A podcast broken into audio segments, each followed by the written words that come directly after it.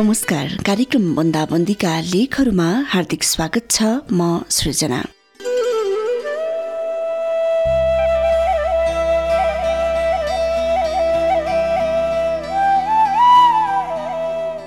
भनिन्छ भाग्यमा लेखिएको कुरा भएरै छाड्छ।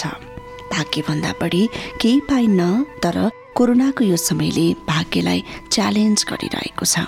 बनाएका र भएका योजनाहरू निरर्थक जस्तै बनेका छन्। सोचे जस्तो केही भएको छैन अनि कल्पनाको संसारले पनि ठम्ब्याउन नसकेका घटनाहरू जिन्दगीमा घटिरहेका छन्। कार्यक्रम बन्दाबन्दीका लेखहरूमा रन्जु पाण्डेले लेख्नु भएको नियति शीर्षकको लकडाउन डायरी आजको कार्यक्रममा प्रस्तुत गर्दैछु।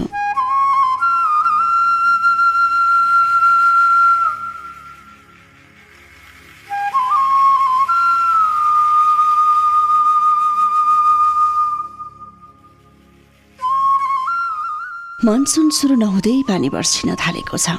आज पनि आकाश डम्म फुलेर बसेको छ। त्यसै गरी जसरी खेल्दा खेल्दै केटाकेटीहरू एकछिन मुख फुलाएर दुईतिर फर्किन्छन्। आज आकाशमा कालो बादल यसरी मडारिएको छ। मानौ एकैछिनमा भयङ्कर पानी पर्नेछ र अनिष्ट गर्नेछ। बन्दाबन्दीले गर्दा निकै समयदेखि गाउँमा थन्किएको म। जस्ता पाताले बारेर बनाइएको अस्थायी भान्सामा सोयाबिनको झोल भात खान भर्खर बसेको मात्र थिएँ मोबाइलमा घन्टी बस्यो मोबाइलमा सहरबाट अफिसको हाकिम साहब हुनुहुँदो रहेछ। हत्तपत्त थाल छोडेर जुरुक्क उठे र अभिवादन गरे। नमस्कार सर। यद्यपि थाहा छ कि म उठे बसेको फोनबाट देखिन्न। यो त मेरो संस्कारले दिएको पुँजी हो ठुलालाई मान्ने।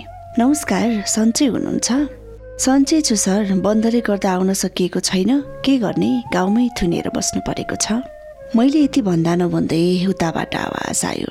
अहिले आउनु पर्दैन। यति बेला हामीलाई तपाईँको आवश्यकता परेन। पछि परेको अवस्थामा खबर गरौँला।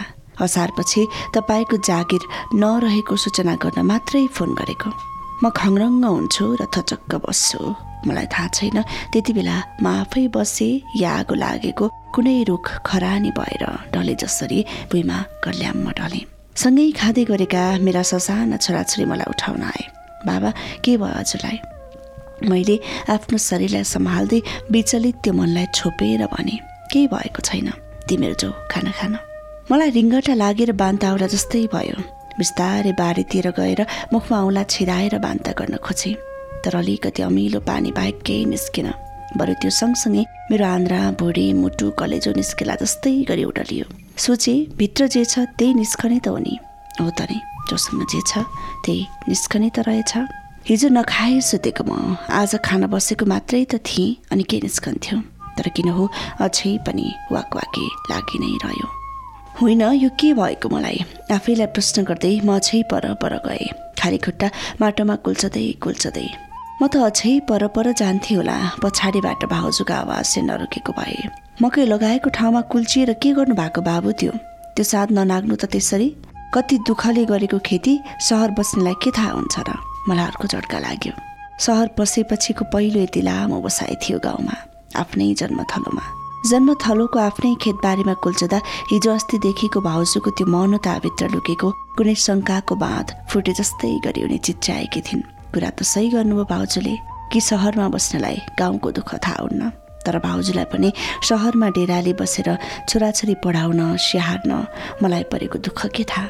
भाउजूको यो भनाइमा मलाई एकैछिन झट्का लागे पनि त्यसको जवाबको तयारीमा पनि म पहिल्यै थिएँ। केही दिनदेखि दाजु भाउजूको व्यवहारबाट मैले यो अनुमान लगाइरहेको थिएँ कि गाउँमा एकलौटी खेती गरेर अन्न तरकारी बिक्री गरेर सहरमा छोराछोरी पढाइरहनुभएका दाजु भाउजूलाई यो लामो बन्दाबन्दीले खेतीमा मलाई स्वाद पसेको अनि माटोमा रमाएको देखेर भाइ पनि यतै बसेर खेती गर्ने भन्छ कि र त्यो एकलौटी खेती भाग लगाउनु पर्छ कि भन्ने असुरक्षा बढिरहेको छ। त्यसैले म मानसिक रूपमा तयार थिएँ। कुनै पनि बेला यस्तो आवाज आउनेछ जसले मलाई आफ्नै माटोमा पनि बिछाउने तुल्याउनेछ। म उहीँ फर्किएँ जहाँ बिना तयारीमा मलाई अचानक सुनाइएको छ तेरो जागिर गयो। फेरि भाउन्न होला जस्तो भयो तर यतिखेर त मैले त्यो आफूले टेकेको माटो र साथ छोड्नु थियो किनकि भाउजूको शब्दको डोरीले मलाई छेकिसकेको थियो। म एकछिन टक्क अडिएँ मेरो आफ्नो बाटो आफ्नो साथ सम्झने कोसिस गरेँ र झट्ट सम्झेजे गरी जसरी आएको थिएँ उसै गरी फर्केर लमक लमक त्यही अस्थायी भान्साको ठाउँमा गएँ। जहाँ मेरा छोराछोरीलाई सोयाबिनको झोलसँग भात खुवाउँदै थिइन् सरिता। मेरी अर्धाङ्गिनी मेरी पत्नी मेरी छोराछोरीकी आमा सरिता। के भयो हजुरलाई? किन यसरी खाना बसेको मान्छे जुरुक्क उठेर जानुभएको? कसको फोन आएको? हस्पिटलबाट हो? कसैलाई केही भयो कि? कि मेरो अपरेसनका लागि टाइम दिन फोन गरेको? के मेरो रिपोर्ट आयो? सरिताले यसरी म माथि प्रश्नहरू वर्षाइन् म चाहिँ अलिकति ढिला आएको भए उनको मनको यो शङ्काको सन्तास अझै बढ्दै जान्थ्यो होला। उनको यो सन्तासलाई मैले रोक्दै भने केही होइन कति धेरै कुरा सोचिरहेको खुरुखुरु भात खुवाउ न केटाकेटीलाई। अनि के हो भन्नु न त मलाई नभनेसम्म त यस्तै यस्तै शङ्का भइरहन्छ नि मनमा। उनको यो ढिपीमा म केही भनिदिन बाध्य भएँ। खासै केही होइन अस्ति न काठमाडौँबाट आउनु अघि मालपोत हाकिमको घरको बगैँचामा फुलहरू लगाउँदा एउटा अलिक ठुलो रुखको जरा अल्लिएको रहेछ। त्यही डरले छ तिमी कहिले आउँछौ त्यसलाई उठाउन? भनेर फोन गर्नुभएको। बल्ल शान्ति भयो मनमा। म त के अपसकुन भएछ भनेर कस्तो डराएँ। यति सानो कुरा रहेछ। हेर्नु त राम्रो काम गर्ने भएरै हाकिमले आफ्नो बगैँचामा ढलेको एउटा रुख उठाउनु पनि हजुरलाई सम्झिनु भयो उनले यसो भनिरहँदा उनको अनुहारको प्रसन्नताले मलाई चसक्क बोल्यो। उनको यो उज्यालोलाई म कसरी निम्रदिउँ? यो चस्का लुकाउन मैले आफ्नो अनुहारमा जबरजस्ती फिस्सा आँसु ल्याएँ जसले उनलाई त्यो सोयाबिनको झोल भात खाइरहँदा चट्ट अचारको काम गरोस्। भान्सा बनाउन लिएको ऋण नतिरी गाउँबाट कसरी जाउँ? सहर जाउँ त छोराछोरीलाई कसरी पढाउँ? यता दाजु भाउजूलाई म सहर नगएर यतै खेती गरेर बस्छु कि भन्ने पिर बढ्दो छ। यहीँ बसोस् भन्ने उनीहरू चाहँदैनन्। काठमाडौँ जाने बित्तिकै घरबेटीले तिन महिनाको भाडा माग्छ। कसरी दिउँ? केटाकेटीको स्कुलले फी माग्छ। कसरी दिउँ? त्यही एउटा आड भरोसा थियो सरिताको औषधि उपचार केटाकेटीको पढाइ खर्च अनि खानपानका लागि।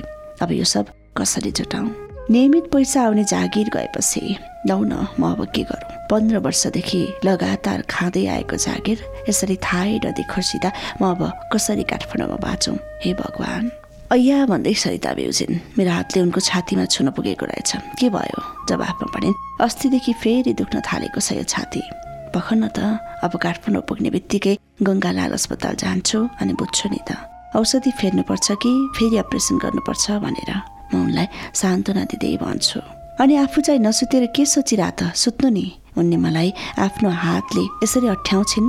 मानौ म उनलाई सुतेकै बेलामा छोडेर एक्लै सुटुक्क सहर फर्कन्छु।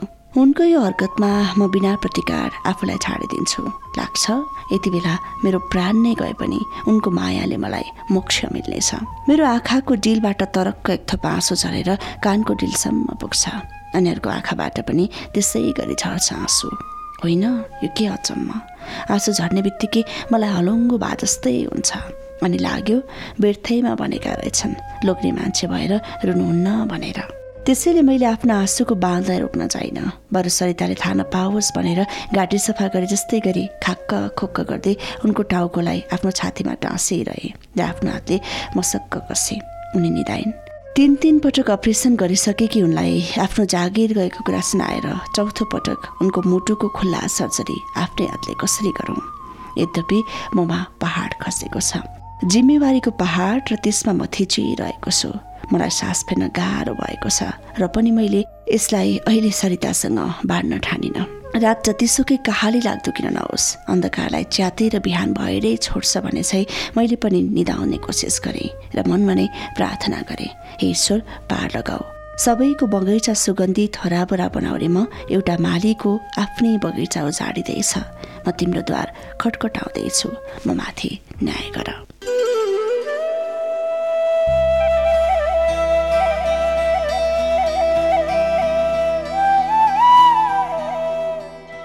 रन्जु पाण्डेले लेख्नु भएको नियति शीर्षकको लकडाउन डायरी आजको कार्यक्रम बन्दाबन्दीका लेखहरूमा प्रसारण गरे श्रोता। आजलाई पनि बन्दाबन्दीका लेखहरू यति नै। भोलि फेरि यही समयमा अर्को एउटा लेखको साथमा उपस्थित हुनेछु। यदि तपाईँ पनि लेख्न मन पराउनुहुन्छ भने तपाईँले आफ्ना लेखहरूलाई कालिम्चोक एफएमको फेसबुक पेजमा म्यासेन्जरमा म्यासेज गरिदिन सक्नुहुन्छ। तपाईँका लेखहरूलाई हामी कार्यक्रम बन्दाबन्दीका लेखहरूमा समावेश गर्नेछौँ। आजलाई भने बन्दाबन्दीका लेखहरू यति नै यतिन्जेलसम्म सुनेर साथ दिनुहुने तपाईँ सम्पूर्ण श्रोताहरूलाई विशेष धन्यवाद अनि प्राविधिक मित्र प्रहलादलाई विशेष आभार भन्दै बिदा हुन्छु। नमस्कार।